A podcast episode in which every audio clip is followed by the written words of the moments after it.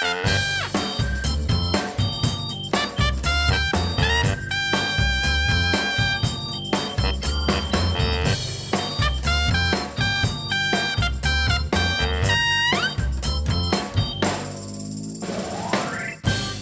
is dinsdagmiddag en dat betekent dat Dick en Jeffrey weer tot op het puntje van een stoel zitten voor de CIP-podcast. Jawel, daar zijn we weer. Hey Jeffrey, Dikkie dik. hoe is het?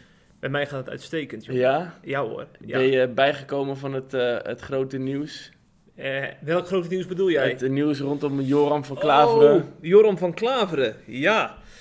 Nou, ik moet zeggen, eh, eerlijk gezegd geloof ik het nog steeds niet. Wat Nee. er allemaal gebeurd is. Nee. Nee, ik ben, ik ben wat dat betreft ben ik heel wantrouwend. Ik snap het ook niet Kijk, hoor. als Pechtold zich bekeert tot het christendom, ga ik ook niet zomaar gelijk de vlag uitsteken. Dan wil ik toch eerst even een jaartje wachten of het wel echt allemaal zo is. Ja, dat is de sceptische geest in Jeffrey Schipper. Ja. Degene die. eh, en dat, eh, dat, eh, dat is toch het geheim achter CIP. Jouw sceptische geest. ja dat houdt Daardoor plaats je, plaats je niet alles erop. Klopt. Niet alles wat voorbij komt, komt op SIP. En Ja, nee, de filter die moeten we af en toe even aanzetten. Hè? ja. Ja. Je had ook een keer Liesbeth weggefilterd. Wat was dat ook weer? Ja, ja, ja, je hebt ooit een keer een filmpje op, eh, op SIP gezet, was jij dat? ja. Met een mevrouw die, eh, die iemand aan de deur eh, had, maar die zat op de wc en toen ze de deur niet open. Ja, dat filmpje heb jij gewoon even op SIP Ja, gezet. die zat te schijten, zei die. Oh, dat is, Ja. ja, ja, precies. Ja, Ja, want Liesbeth die wilde iets komen vertellen over de Bijbel. Dat was een Jehovah's getuige. Ah, ja, ja, Ja. ja. ja, ja. Nee, dat... Ja. Nee, dat was een heel educatief filmpje was dat. Daar kunnen we echt wat mee. Ja, Ja. man. Maar wat je dus wel geplaatst, is inderdaad dus nog wel de bekering van Joram. Joram, ja, ja. Want voor de mensen die het niet gevolgd hebben, Joram van Klaveren is een voormalig PVV-kamerlid. Hij, eh, ik heb nog wel... Gaan we trouwens ook nog over iets anders hebben dan Joram? We moeten misschien ook even vertellen. Even Ja, een ja, ja. teaser. Nou, we gaan natuurlijk niet alleen over Joram hebben, dus Nee. meer in de wereld. Ja. We gaan het nog over een ander bizar verhaal hebben, namelijk het verhaal van Kees Jan. Hij eh, was, was vroeger homo, zegt hij, en nu niet meer. En eh, jij hebt daar een verhaal over opgetekend. Een ex-homo. Ja, een ex-homo, zoals we dat dan noemen. Ja, en we gaan het ook hebben over een bijzonder interview van, van onze collega Marina. Zij heeft een Duitse psycholoog gesproken over moeilijke mensen. Ja, en eh, over moeilijke mensen gesproken. Jo- Joram zat dus bij de PVV. Toch wel een partij die eh, best wel radicale standpunten heeft over met name moslims. Mhm. Ik heb nog pas eh, wat fragmentjes, of gisteren wat fragmentjes teruggekeken van hoe Joram over de islam pr- praatte. Ah, hij was echt radicaal.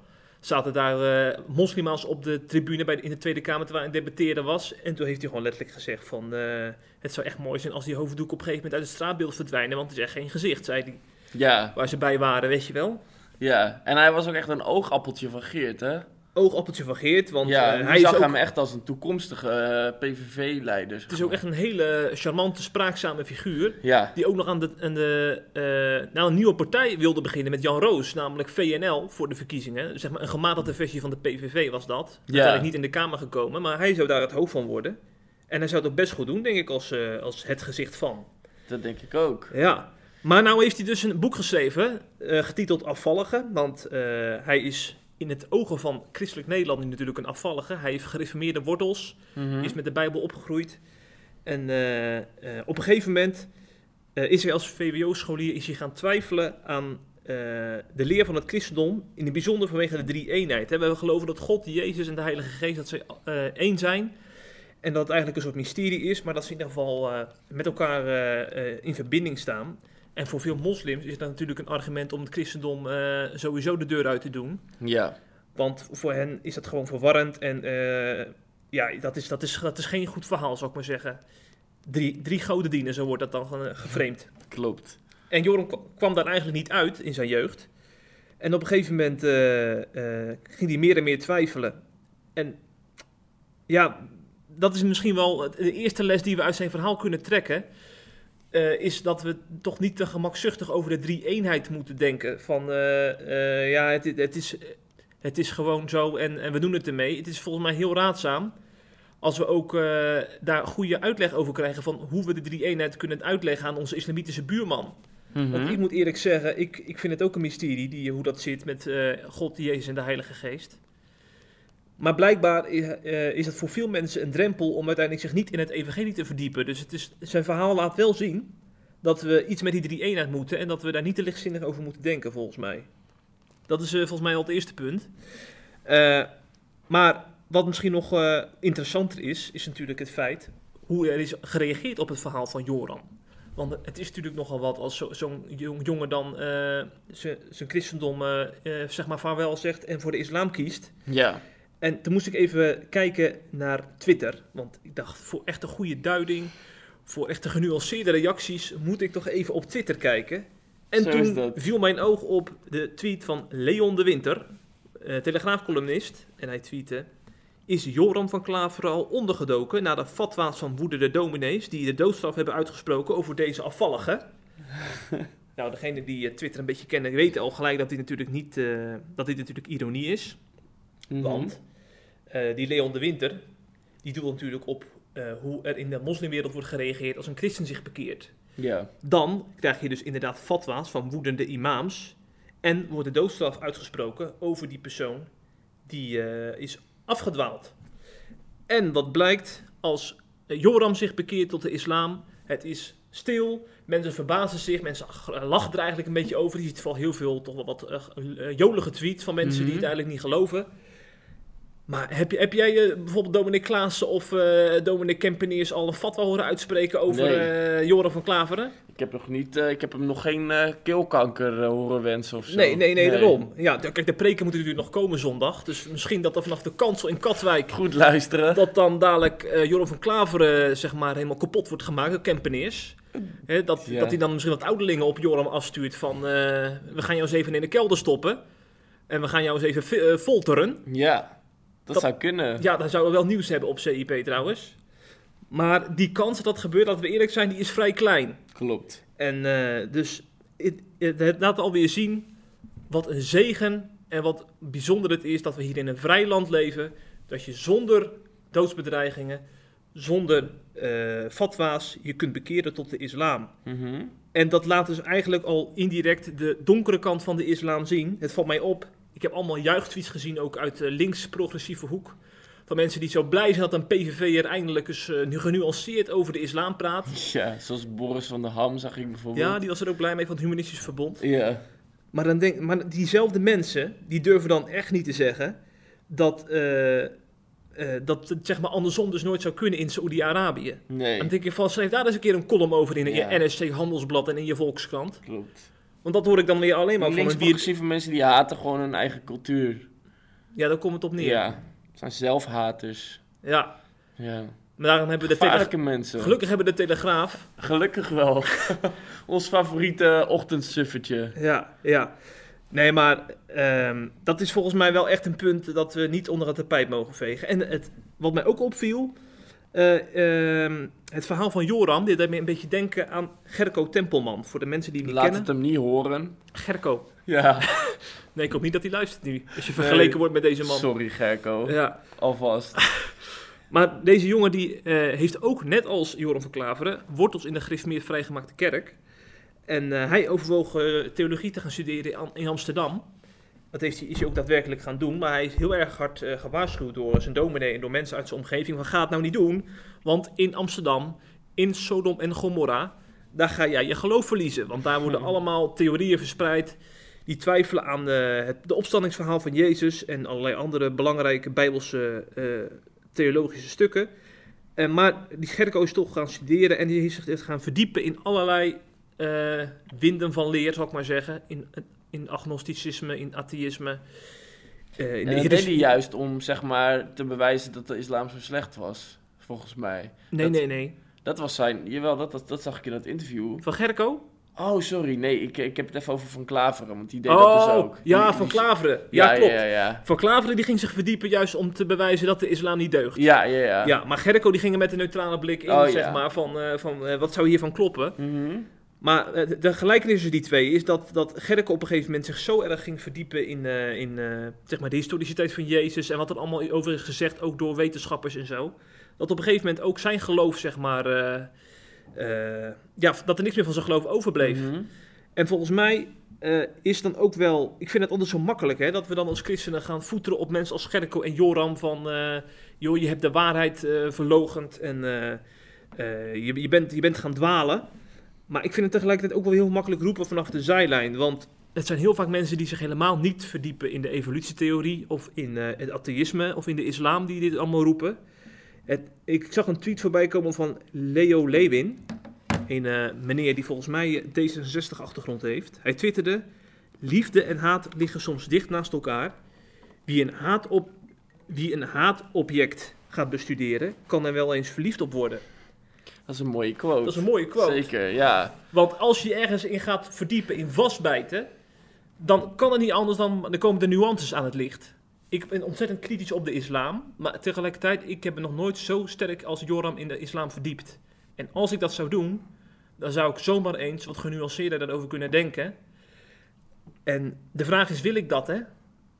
ja het is dat makkelijk een, om aan de eh, zijlijn te blijven en te roepen op basis van allerlei nieuwtjes die Maar je hebt ook komen. mensen die, die zich juist erin hebben verdiept en na drie pagina's dachten van nou, die Koran is wel echt heel gruwelijk, daar hoef ik me niet meer in te verdiepen, zeg maar. Ja, Dat kan je ook hebben, hè? dat, dat kan ook. dat Dat, dat, kan je, ook. dat de waarheid soort van echt aan het licht komt. Klopt. Nee, maar Ja. het, kan, het kan twee kanten Ja, op werken. ja. Maar het laat ook wel weer zien dat, eh, eh, dat het wel onvoorspelbaar is, de uitkomst. Want. Joram zelf had natuurlijk ook nooit gedacht dat hij hier zou uitkomen. Ja.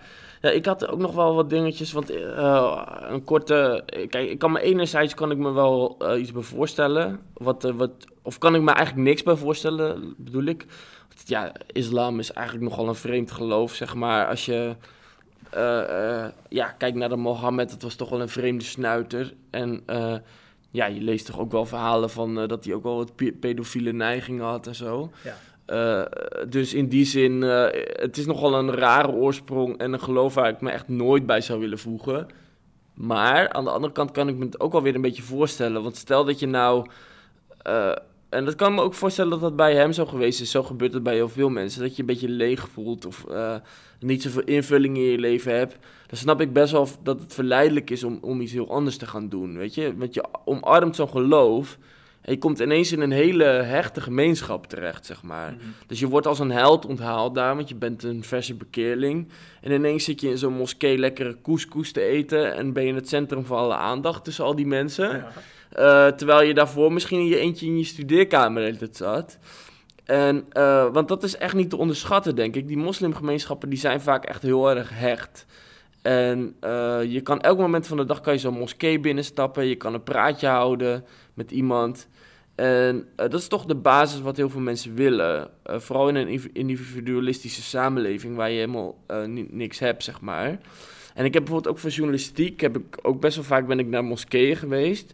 En ik was een keer in een moskee in Culemborg en die plek zat helemaal vol met mensen. En ze waren gezellig aan het eten en wij mochten ook aanschuiven. Ze gingen allemaal lekkere dingen eten en zo, wat op tafel lag. En als je ziet wat de sfeer daar was, zeg maar... eh, ja, dat ik toch wel even als christen dacht... Ik was toen iets minder actief dan nu erin... eh, dat ik toch ook wel dacht van... Ja, dit geloof ziet er eigenlijk nog veel gezelliger uit. Weet je, Hmm. dan... eh, want in veel kerken mag je blij zijn als je op, de, op door de weekse avond een keer open is... en dat je dan nog een koekje krijgt of zo, zeg maar, weet je? Voor tien uur s'avonds. Ja, Dan, zijn we die hele, die hele, ik denk, dat, ik denk dat kerken dan in die zin ook wat kunnen leren van mo- moskeeën. Dat, ehm, eh, dat, dat, dat, dat kerken meer een warme gemeenschap mogen zijn, weet je. En dat je, en, ehm, eh, ja, het klinkt misschien een beetje gek, maar ik denk toch dat de zoektocht naar aandacht en liefde is een belangrijke drijfveer om dingen te doen. En nu ga ik iets zeggen wat, je, wat misschien sommige mensen een beetje gek vinden, maar ik denk dus dat het dat dat zelfs een reden kunnen, kan zijn dat mensen homo worden, zeg maar. Omdat je echt in zo'n LHBT-gemeenschap komt, weet je. Waar je helemaal omarmd wordt en waar je misschien vroeger eh, depressief of, of alleen was... heb je nu in één keer eh, een com- community, zeg maar, waar je in komt. En eh, de- ik denk dat de christenen daar dat, dat in ieder geval ook goed moeten onderhouden, dat er een community is. En ja, dan komen we gelijk op het tweede punt uit. En dat is... Kees-Jan de Ke- Kruif. Kees Jan. Ja, dat is wel een bijzondere gozer, moet ik zeggen. Ja? Eigenlijk is dat weer eh, een beetje een Joram van Klaveren verhaal van eh, een totale ommekeer. Ja. Nou ja, in principe wel, maar ergens ook weer niet, want hij is nooit van het ene naar het andere gegaan. Maar dat, dat komen we zo wel op. Ja, dan Moet ik het even uitleggen? Ja, leg het maar eens uit. Ja? Wie is die jongen eigenlijk? Nou, Kees-Jan ehm, is een, eh een jonge man. Ik denk dat hij in de 30 is ongeveer. Eh, hij ehm, groeide op in een christelijk gezin en op zijn zestiende leerde hij eh, Jezus echt persoonlijk kennen. En hij vertelde dat dat echt zijn, ehm, ja, dat hij daar echt een relatie mee had, zeg maar. Eh, maar hij had dus tegelijkertijd met dat hij dat had, had hij dus ook homogevoelens. Hm. En ehm, ja, hij groeide op in een christelijk gezin. En eh, zoals ik al zei dus, en, zijn band met Jezus was zo hecht dat dat, dat echt op nummer 1 kwam. Eh, dus zelfs in, in eh, de tijd dat hij die homo's gevoelens had, had hij zoiets van, dat is in strijd met Jezus en Jezus staat voor mij op één. Dus ga, ik ga er nooit aan toegeven, ik ga Jezus op één zetten. Dat was zijn hele verhaal. Dus dat was zijn hele principe en dan wist hij eigenlijk al voor de rest van zijn leven dat dat zou gaan gebeuren. Hij heeft dat wel heel lang verborgen gehouden. eh, omdat hij toch dacht van ja, hoe gaan mensen reageren? Maar op een gegeven moment heeft hij het wel verteld en dat was een hele opluchting. Toen wist de hele gemeenschap om hem heen ook van... eh, ja, Kees-Jan gaat gewoon de rest van zijn leven alleen blijven samen met Jezus, zeg maar. Celibatair. Ja, dat was het hele plan. Totdat hij op een gegeven moment eh, een nieuwe openbaring hierover kreeg. En dat God hem liet zien dat je homogevoelens kan hebben. En dat dat je gevoelens zijn, maar dat dat niet je identiteit hoeft te zijn. Dat is hoe hij het zei. Maar hoe- wat bedoelt hij met openbaring? Nou, dat God dat hem echt liet zien, zeg maar. Ja. En eh, nou, dat is een belangrijke sleutel voor hem, want ehm, eh, hij zei dus, eh, hij ging dus zien van verleidingen zijn er altijd. En je kan altijd bepaalde gedachten hebben, dus ook onreine gedachten. Maar dat betekent niet dat dat per se iets zegt over jouw identiteit. Dus het feit dat jij bijvoorbeeld een fantasie hebt over een bepaalde vrouw, betekent nog niet dat jouw identiteit is dat jij een een of andere viespeuk bent of zo, zeg maar, weet je? In het geval van bijvoorbeeld een hetero persoon. Eh, nou, dus, hij, ehm, dus zijn hele ding was dus van, eh, als je die gedachten hebt, ben je dan meteen homo? En hij zegt dus nee, want heel veel mensen hebben dat. En omdat ze die gevoelens hebben, eh, eh, maken ze dat hun identiteit. Dus Kees-Jan leerde van, ik ben christen. Ik ben, dus hij, leerde van, ik ben geen homo, maar ik ben christen. Dat is zijn identiteit. Met homogevoelens. Dus die gevoelens, die horen daarbij. En dat lijkt een heel klein nuanceverschil. Want dan denk je van, wat is het verschil? Maar voor Kees-Jan was het een enorm verschil. Want het maakte namelijk dat hij die gevoelens een plek kon geven. En eh, eh, dat dat niet meer bepaalde wie hij zelf was. Dus daardoor werden die gevoelens ook in één keer veel minder heftig. Eh, dus dat is best wel belangrijk. En dat, dit soort verhalen hoor je dus heel vaak van mensen die, zeg maar, als christen ja, dit, dit beginnen te geloven, zeg maar. Nou, en na een tijdje, toen dacht hij dus van, ja, dit is gewoon hoe ik de rest van mijn leven ga leven. Maar begon God echt rechtstreeks tot hem te spreken en ook via anderen. En hij, God vroeg hem, zoals hij zei, van eh, of, of, of hij, of God de ruimte mocht krijgen in zijn leven om meer te doen. En in een lang verhaal kort vertelde dus God aan hem dat hij een vrouw voor hem had. En eh, die kwam hij dus tegen tijdens een skivakantie. En eh, ja, daar is Kees-Jan toen helemaal voor gegaan, zeg maar. En En denk je dat het een, een vlucht was of dat het echt pure verliefdheid was? Hoog tot de Nee, want hij wilde het eerst helemaal niet, zeg maar. Dus hij zei eerst de hele tijd van... nee, ik heb nu vrede, ik leef gewoon met Jezus. En waarom moet ik dit doen? Want ik, dat brengt misschien weer onrust en dat wil ik helemaal niet... want ik ben blij hoe het nu is. En te- terwijl die stem die bleef maar komen... totdat hij op een gegeven moment ook een leegte begon ervaren... en God sprak tot hem, zei hij... dat God zelf die leegte had gecreëerd... zodat er ruimte kwam voor een vrouw, zeg maar. Hm. Eh, dus nou ja, dat is dus een, eh, een heel verhaal. En dus zoals hij het ook vertelt, heeft God ook zijn gevoelens omgebogen. En eh, ja, is dit, is dit echt vanuit een relatie met God gekomen, zeg maar. Mhm. En, maar goed, dit, dit, dit, dit, als je zo'n artikel plaatst, dan komen we op nummer twee. eh, dan kun je er blind van uitgaan dat er natuurlijk een bom ontploft. Want mensen gingen scheldend en tierend los op Facebook. Ze gingen ook bellen. Rick heeft heel wat boze mensen aan de telefoon gehad. Regenboogfora die zich erin mengen. En ook eh Kees Jan die het ook allemaal meekreeg. En slapeloze nachten ervan uh, had, zeg maar. Dus die ook er heel erg van geschrokken is. Uiteindelijk heb ik het ook maar even van Facebook afgehaald, want het was echt uh, ja, niet normaal wat er allemaal geroepen werd. Hoe verklaar jij al die heftige reacties op zo'n verhaal? Uh, nou ja, in eerste instantie denk ik dat het, dat het klimaat in Nederland gewoon hysterisch is en volledig onvolwassen. Vooral op social media. Dus helaas moeten we gewoon hieraan gewend raken dat dit soort reacties er altijd komen. Dat mensen zich totaal niet kunnen beheersen. Dus dat is één. Maar goed, ik snap wel dat het gevoelig ligt. Want um, ja, kijk, zeg maar, de hele lobby eromheen natuurlijk, ook met de homolobby, doet er natuurlijk alles aan om in te prenten. dat de kans groot is dat je bijvoorbeeld homo bent. En um, zeg maar, dus, um, hoe zeg je dat? Dus die gaan daar helemaal in los, zeg maar, ja. weet je. Dus ook, um, nou, je hebt bijvoorbeeld ook christelijke homobewegingen en die zijn dus heel erg bezig met homo's geruststellen van je kan gewoon een relatie aangaan, je kan gewoon seks hebben en dat is geen enkel probleem. Nou, en dat is natuurlijk een, een punt wat, wat, waar zij best wel ver in zijn, dat heel veel christelijke homo's zich daardoor een soort van, ja, mee laten slepen, zo zou je het kunnen zeggen. Of in ieder geval zich daardoor laten overtuigen.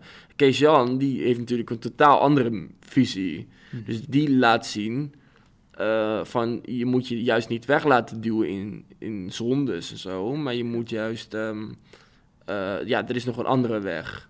En Kees Jan vertelt ook dat hij uh, zijn hele leven heel gelukkig is geweest.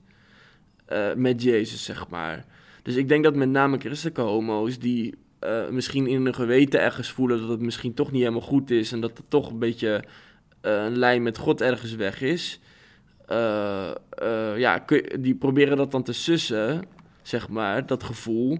En het laatste wat je dan wil lezen is dat iemand zegt van dat het toch een zonde is en dat God een andere weg voor je heeft. Hm. Dat is nogal confronterend. Nou, zeker. En dan zie je ook een foto van zo'n stralend echtpaar en dan heeft hij ook nog drie prachtige kinderen.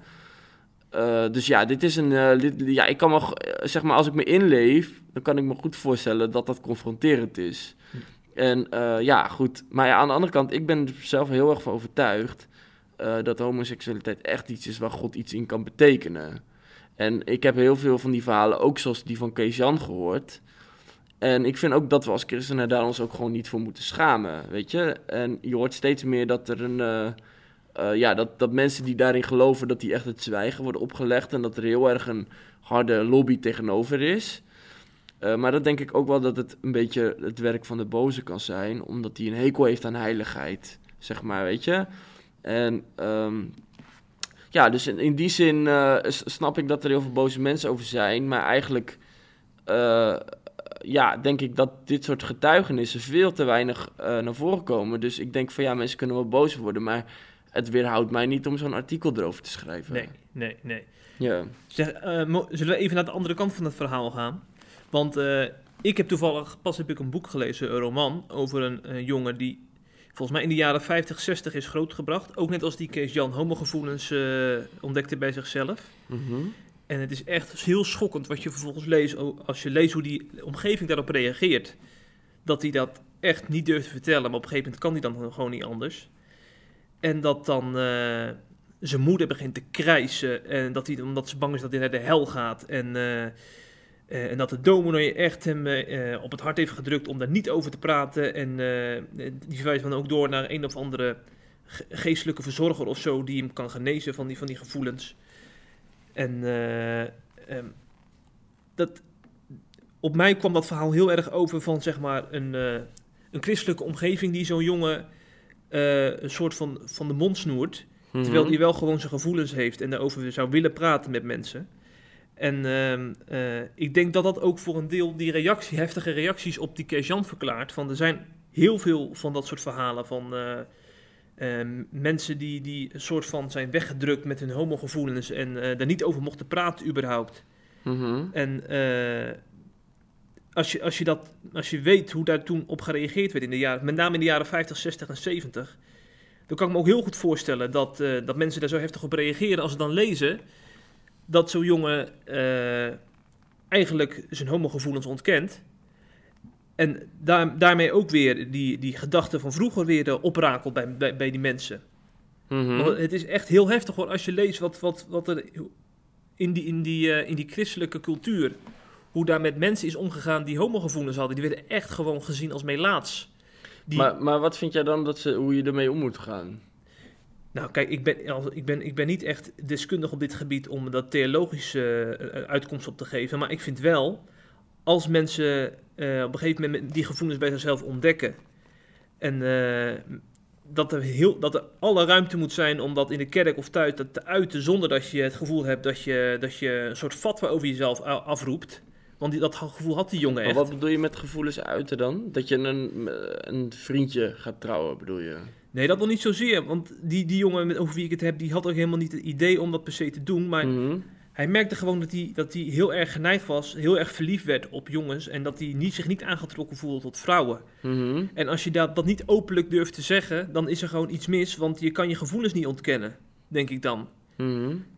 En dat, die verhalen moeten ook volgens, vind ik, verteld worden. Dus naast die Ja, verhalen van Kees Jan, Maar ook dat Kees soort Jan verhalen. ontkende zijn gevoelens niet. En hij heeft ook gezegd van, ik heb vanuit Jezus heb ik nog nooit veroordeling gevoeld. Dus eh, hij zei gewoon, Jezus, hier ben ik, dit zijn mijn gevoelens. En Jezus zei van, die gevoelens mogen er zijn. Ja. Het- En het bepaalt niet wie jij bent, zeg maar. En waar, waar zijn die gevoelens nu gebleven dan op dit Ja, moment? die zijn er nog steeds. Dus Oké. hij ontkent ze helemaal niet. Eh, maar hij zegt gewoon, kijk, net als dat jij... ehm, kijk, ik bedoel, jij en ik, we zijn allebei getrouwd. Eh, jij kan ook, zeg maar, de winkelstraat in lopen en misschien eh, een vrouw tegenkomen. Dat je denkt van, oeh, die ziet er wel mooi uit, weet je. Ja. En als jij die gevoelens achterna gaat en je gaat er echt iets mee doen... en je gaat ze omarmen, dan, dan ga je uiteindelijk... kan je er zo ver in gaan dat je uiteindelijk, zeg maar, vreemd gaat. Maar het verschil met die Kees Jan is dat ik, als ik op, op, op eh, een vrouw voorbij zie komen, is voor mij natuurlijk het andere, het andere geslacht. Ja, maar dat is bij hem dus eh, ook het geval dat hij, dat hij die verleiding nog steeds heeft. Maar hij heeft dus ook gevoelens gekregen. En dat be- beschouwt hij als een cadeau van God voor die vrouw, zeg maar. Dus God heeft dat echt in zijn hart gebracht. Heeft echt, en ik geloof dat we daar echt ook ehm, zeg maar de rol van God niet in mogen onderschatten. Dat God dat ook echt kan doen. Eh, dat hij dus eh, zegt. Dus hij zegt helemaal niet van die gevoelens die bestaan niet meer of Hmm. die ontken ik. Eh, die gevoelens zijn er. Alleen de ene vraag is: ga je erop in ja of nee? Zeg maar. Dus je hebt gevoelens voor je eigen vrouw. En als je dan nog een man in de winkelstraat ziet lopen die je ook mooi vindt, kijk je dan gewoon weg en doe je er niks mee? Hmm. Of ga je er helemaal je erin vastbijten en denken van, oh, misschien vind ik die ook wel leuk. En eh, weet je, dan, als je echt iets met die gedachten gaat doen, dan gaat het uiteindelijk een heel verhaal worden, zeg Hmm. maar. Hmm. Dus dat is, dat is wat ik heel erg geloof. Ja. Ja. Maar goed, die jongen waar ik het net over had, die, eh, die heeft dus geprobeerd eh, om eh, relaties met meisjes aan te gaan. Want hij, hij geloofde dus echt dat dat heel fout was, die gevoelens van hem. En toen hij dat probeerde, hij- die, die, dat meisje die die verkering kreeg, die, die wilde een arm op, ze, op, op hem leggen. En het, het, het, het klikte gewoon niet. Nee. Eh, die, die, dat, dat meisje voelt zich afgewezen, want die jongen die valt gewoon niet op, op, op, op haar. Mhm. En vervolgens houdt hij eigenlijk gewoon een, meer dan een jaar lang dat meisje voor de gek. Want hij wil op verkering met dat meisje. Want dat Ja. wordt dus omgeving wordt dat... eh, Maar, dat, is, maar dat, dat, dat vind ik ook super slecht, want dat is iets van buitenaf opgelegd. ja. Bij hem is het van binnenuit bij die Kees. Ja, bij hem is het echt vanuit zijn relatie met God gegaan. En dat God hem. eh, en ik denk dat, het, dat dat in die zin ook een mooie stimulans is. Van Ja. als je echt als je dicht bij God bent, dan gaat God ook tot je spreken. En dan kan je hem ook horen en dan kan je instructies krijgen van God. En dat heeft hij heel nauw heeft hij dat gezien. Met als gevolg dat, hij, dat God hem ook echt zei van. Hij leerde, God leerde hem heel veel dingen erover, zeg maar. Ja. Dus het- er is ook niks in mij dat ik denk van, oh, ik denk dat, dat het over vijf jaar allemaal weer voorbij is of zo. Nee, nee. Ik geloof het echt. En ik zie ook gewoon... Ja, je moet het filmpje kijken. Je ziet gewoon hoe stralend die man is. En er zit helemaal niks bij met een, eh, met de onderdrukking of zo. Oké, nou Ja. z- zet dan ook dat filmpje in dat podcastbericht. Dan kunnen de mensen die dit podcastbericht gaan luisteren ook dat filmpje bekijken. Ja, gaan we zeker doen. Ja. Ten slotte, nog even kort. Ja. Eh, Marina, onze collega, heeft gesproken met Jurg Berger. Een, eh, of, ik denk dat ik het weer te Nederlands uitspreek, zoals gewoonlijk. Maar goed, dat is een psycholoog uit Duitsland. Jorg. Jorg. Jorg. Jorg, Jorg, draag geen jurk. Deze psycholoog... ja, sorry. De- deze psycholoog die, eh, heeft zich verdiept in moeilijke mensen. En Ja. wat mij opviel... je aangesproken, Jeff? Ja, zeker man. Nee, maar je leeft toch voortdurend met moeilijke Nee, mensen ik wil even, een, eh, even zeggen dat Jeff is geen moeilijke mens. Oh, oh, dat Nee. vind ik een compliment. Nee, je bent geen moeilijk mens. Dat Dat, ik weet... Nee, dat... eh, Ja. Maar ga verder. we- ik vroeg me dus al, waarom is dat verhaal zo goed gelezen vorige week? En toen dacht ik van, eh, toen dacht ik dus aan christenen in mijn omgeving. Kijk, even een voorbeeld. Als ik, als ik, bijvoorbeeld als ik Henk in mijn omgeving heb, die, die nu even niet bestaat, maar stel, ik Mhm. heb Henk in mijn omgeving. Met en zit ik- autisme. Nee, los van wat hij heeft. Oh. Ik vind het een moeilijke man, die Henk. En Ja. ik kan niet met hem overweg en voortdurend haalt hij bloed onder mijn nagels vandaan. En ik, ga, en ik benoem dat, bijvoorbeeld in de, in, mijn huis, in de huiskring of in de kerk. Dan heb ik het idee dat ik er helemaal niks over mag zeggen, want wij moeten ieder mens lief hebben met alle kracht en verstand die in ons is. En we mogen iedereen, moeten iedereen gelijk behandelen. En als ik ook maar iets over die Henk zeg, dan, dan ben ik eigenlijk iemand naar beneden aan het halen. Terwijl dat helemaal niet het geval is. Want ik wil alleen maar te sprake brengen hoe ik met die moeilijke Henk moet omgaan. Maar ik vind dat wij in onze christelijke wereld hebben wij een soort eh, sfeer gecreëerd waarin je dat niet eh, te sprake mag brengen. Je mag niet mensen met dominant of manipule- pff, ma- manipulatief gedrag, die mag je helemaal niet eh, in een verkeerd daglicht zetten. Nee. Omdat je dan de, de naaste liefde niet... eh, Ja. ja, en je hebt ook echt mensen die kunnen de hele dag alleen maar hele kwetsende dingen roepen, zeg maar. Dat is ook een voorbeeld van moeilijke mensen. ja, En ik denk inderdaad dat wat jij zegt dat het waar is. Je hoeft niet altijd alles te accepteren. En het Ja. kan soms ook goed zijn om tijdelijk iemand even op afstand te houden om gewoon je eigen hart te beschermen. Precies. Dat dat ook echt niet, niet altijd slecht is. Ja, Ja. maar ik vind dat er dus een, daar een taboe op rust. ja. Van alsof je die persoon maar altijd in je huis moet halen en koffie in moet drinken, Zo omdat Jezus dat. dat van je vraagt. Maar dat is helemaal niet zo. En eh, laten we ook niet vergeten, deze moeilijke mensen hebben voor tal... Nou, zijn, ik, ik scheer ze nu even over een kam. Jurg, Jurg Berger, die, die, die, die eh, heeft allerlei verschillende soorten eh, moeilijke mensen zeg maar, geanalyseerd. Er zijn heel veel verschillende soorten mensen.